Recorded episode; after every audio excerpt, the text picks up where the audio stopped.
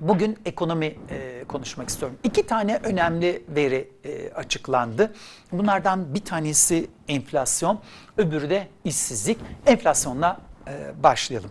Hatırlarsanız enflasyon rekor seviyelerdeyken size demiştim ki enflasyon baz etkisi nedeniyle düşmeye e, başlayacak.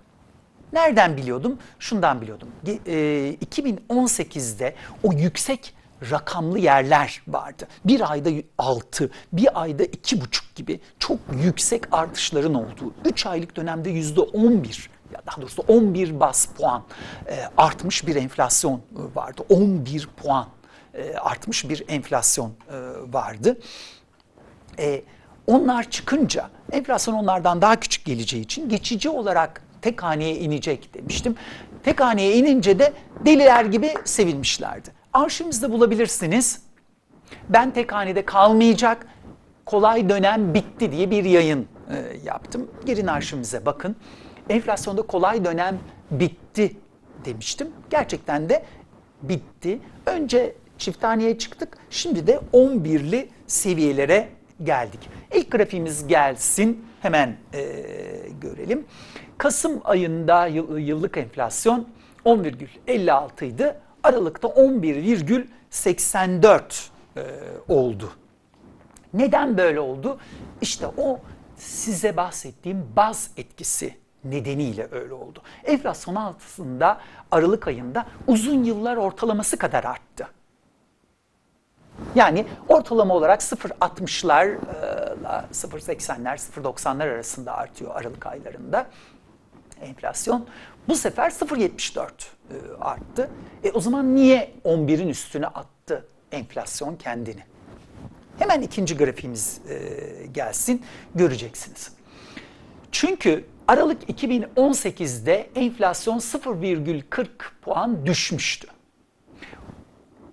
Yani eksi çıkmıştı, gerilemişti enflasyon. Şimdi 0.74 artınca işte o yüzden yukarı doğru gitti. Enflasyonda kolay dönem bitti. Enflasyon çift taneye yerleşti. Bundan sonra enflasyonun düşmesini istiyor ise hükümet öyle yalancı tedbirler, işte öyle e, şekilsel şeyler yaparak enflasyonu düşük tutamaz. Bundan sonra bizim gerçekçi adımlar atmamız gerekiyor. Şu anda ekonomide gördüğünüz o suni iyi hissiyatlar falan onlar suni. Onları da bir sonraki yayında e, konuşacağız. Aslında bugüne de biraz hazırlamıştım ama daha ayrıntılı bir şekilde bakalım e, istediğim için bir sonraki yayına e, bırakmaya karar verdik. Kredi büyümeleriyle ekonomiyi canlandırmak geçici bir şey. Kalıcı bir şekilde yüksek büyümeye dönmemiz lazım.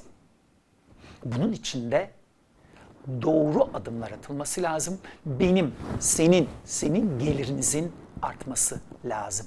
O olmadığı sürece kredi nedir? Kredi gelecekten borçlanmadır. Yani gelecekte kazanacağınız parayı bugüne getiriyorsunuz ama karşılığında faiz ödüyorsunuz. Gelecekteki geliriniz artmazsa o size yük olur. O yüzden onu da e, bir sonraki yayında konuşacağız haftaya e, pazartesi buluştuğumuzda. Şimdi enflasyonda bir şey daha var. Herkes bana aynı şey söylüyor. Ben kendi hayatımda da görüyorum. Sokağa çıkıyorum, pazara gidiyorum. Yani hani ben kestaneyi çok severim. Çiğine de bayılıyorum, pişmişine de bayılıyorum. Ya inanamıyorum Migros'ta kestane e, en son gittiğimde 33 lira 90 kuruştu. Geçen Antep'teydim. E, orada 23 liraydı. Pazarda da 25 lira civarında e, görüyorum. İşte bazıları e, böyle e, taşraya taşınan e, gazeteciliği bıraktıktan sonra arkadaşlarım e, var.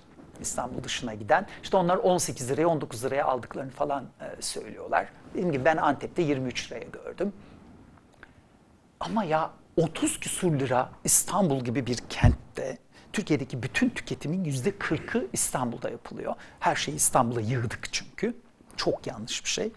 Ama 30 liraya kestane olur mu? Migros'ta 33 lira 90 kuruştu son gördüğümde. Bu, bu olacak şey değil. Fiyatlar artıyor, enflasyon düşüyor. Ama orada bir ayrıntı var. nedir? Hemen bir sonraki e, grafiğimiz gelsin. Ortalama enflasyon diye bir şey var. Yıllık enflasyon 11.84, devletin resmi ortalama enflasyonu 15.18. Ne demek ortalama enflasyon? Şimdi şu demek.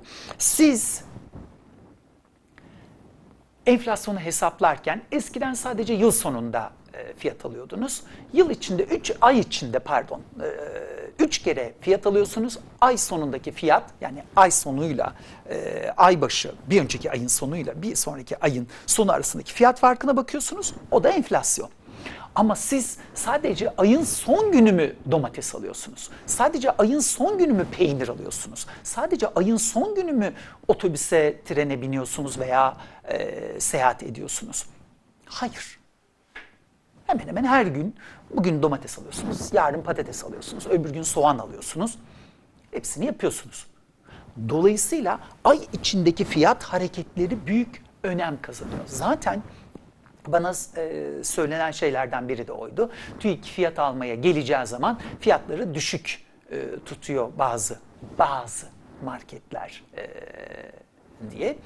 Dolayısıyla da e, bu doğru bir şey değil zaten. Yıl boyu biz her gün alışveriş Ay boyu da. Bugün ekmek alıyorsunuz, yarın patates alıyorsunuz, öbür gün domates alıyorsunuz, bugün elbise alıyorsunuz, öbür gün gömlek alıyorsunuz. Otobüse biniyorsunuz, şehir içinde metroya biniyorsunuz. Bir şeyler yapıyorsunuz. Her gün bir takım harcamalarınız bir şekilde oluyor. O yüzden ay içindeki o hareketlenmeleri hesap ediyor. O da ne? İşte o da ortalama enflasyon. Bir daha versinler o grafiği e, arkadaşlarım. Enflasyon yıllık olarak 11.84 ama ortalama da yıllık bu 15,18. Şimdi bir önemli şey daha var. Hani patatesin, soğanın çıldırdığını hatırlıyor musunuz? 9 liralara, 10 liralara doğru gelmiş. 7 liraların üstüne e, çıkmıştı patates ve e, soğan. Hatta bazıları şey demişler, işte düştü fiyatlar. İyi de kardeşim biz o fiyatlardan yedik. Ben o parayı verdim patatese, soğana. Ben o parayı niye verdim? Niye verdim? Suriye'den buğday almak için harekete geçildiğini duyunca, yani iç savaş var. Suriye nüfusunun önemli bir kısmı Türkiye'de. Ve o Suriye bize buğday satacak. Yani bunu duyunca zaten bir böyle bir yüreğime e, inmişti. Şimdi o patates soğan fiyatlarından sonra bu sene sebze de ve meyvede üretim yüzde iki civarında arttı. Hava e, şartları iyi gitti. Üretim e, yüzde iki civarında arttı. Onun etkisini gördük. Gıda fiyatları aşağı doğru geldi ve ortalama gıda enflasyonu düştü. Ama e, gıda enflasyonu düştü pardon ama ortalama gıda enflasyonu bakın kaç. Hemen göndersin arkadaşlarım. Gıda enflasyonu 2019'da 10,89 olmuş. Yıl ortasında çok yüksekti, 20'lerin üzerine gelmişti. Ama sonra işte o tarla ürünleri girdiler e, piyasaya.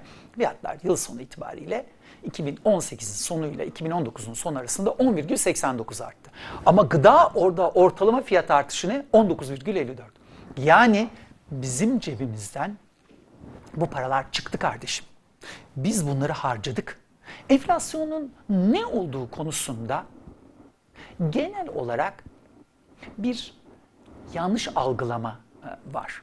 İki şey Türkiye'de ekonomide doğru algılanmıyor. Bunlardan biri faiz, faizin ne olduğu, öbürü de enflasyonun ne olduğu. Enflasyon biri ortalama, sepet. Onun da belli dönemler arasındaki o sepetin fiyatı yukarı mı gitti, aşağı mı gitti, ne kadar yukarı gitti, ne kadar aşağı gitti buna e, bakıyoruz. Biz enflasyonu şöyle tanımlayabiliriz. O kadar yoksullaştınız. Enflasyon sizin cebinizden çalınan paradır. Alınan paradır sizin cebinizden. Biz gıdaya bu kadar para yatırdık. Gıdaya peki kim çok para yatırır? Dar gelirler mi? Orta gelirler mi? Üst gelirler mi? Üst gelirinin 100 lira harcıyorsa bunun küçük bir bölümünü bunu yayın yaptığım için çok uzatmamak için şey yapmayacağım. Küçük bir bölümünü gıdaya harcar. Orta gelirler daha fazlasını harcar. Dar gelirliler çok daha fazla harcar. Onların gelirlerinin önemli bir kısmı gıda, kira bu ikisine gider. Bu ikisi yutar onların e, gelirinin önemli bir e, kısmını. O yüzden bu gıda fiyatları e, çok önemli. Peki enflasyon yıllık olarak en çok hangi ürünlerde artmış? En az hangi ürünlerde artmış? Bir ona e, bakalım. Alkol ve tütün %43,12 artmış e, yıllık olarak e, 2019 yılında alkol ve tütün fiyatları. Neden?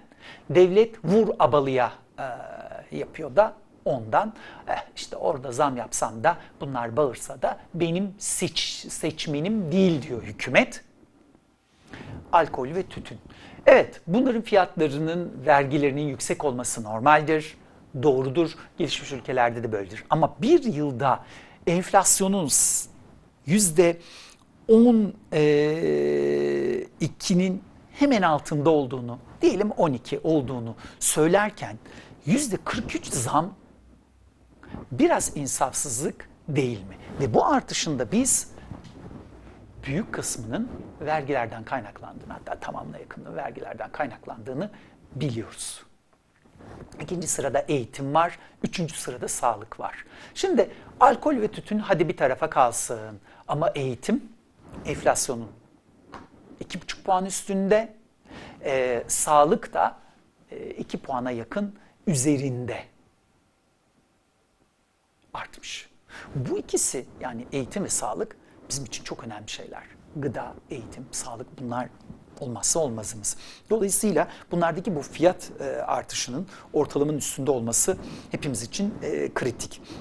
Peki e, fiyatı en az artanlar neler? Hemen e, onlara da bir e, bakalım e, ekrana getirsin arkadaşlarım.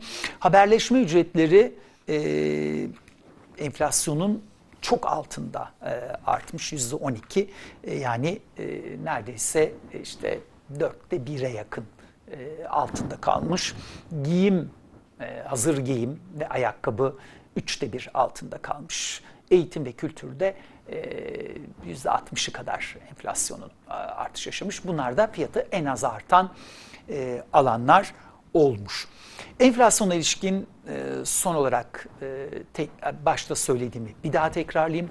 Bundan sonra enflasyonun gerçekten düşebilmesi için, kalıcı olarak düşebilmesi için doğru adımlar atılması, iyi tedbirler alınması lazım. Yoksa kalmayacak tek haneye indiğinde enflasyon tek haneye indi diye bayram edenler bunu bir kenara yazsınlar. Tek hane dediğinizde 9 tek hane değildir. 5'i hedefliyoruz yıllardır ve tutturamıyoruz. Hükümet yıllardır 5'i hedefliyor, tutturabiliyor mu? tutturamıyor. Dolayısıyla enflasyonun 5 civarında bir yere, hiç değilse 4 ile 6 arasındaki bir banda hapsedilmesi e, lazım. Öyle 8'ler, 9'lar e, düşük enflasyon değil. Hani 20'leri gördük diye hani ölümü gösterip sıtmaya razı etme e, durumu. Öyle düşük enflasyon değil. Bunu hemen e, sizinle paylaşayım.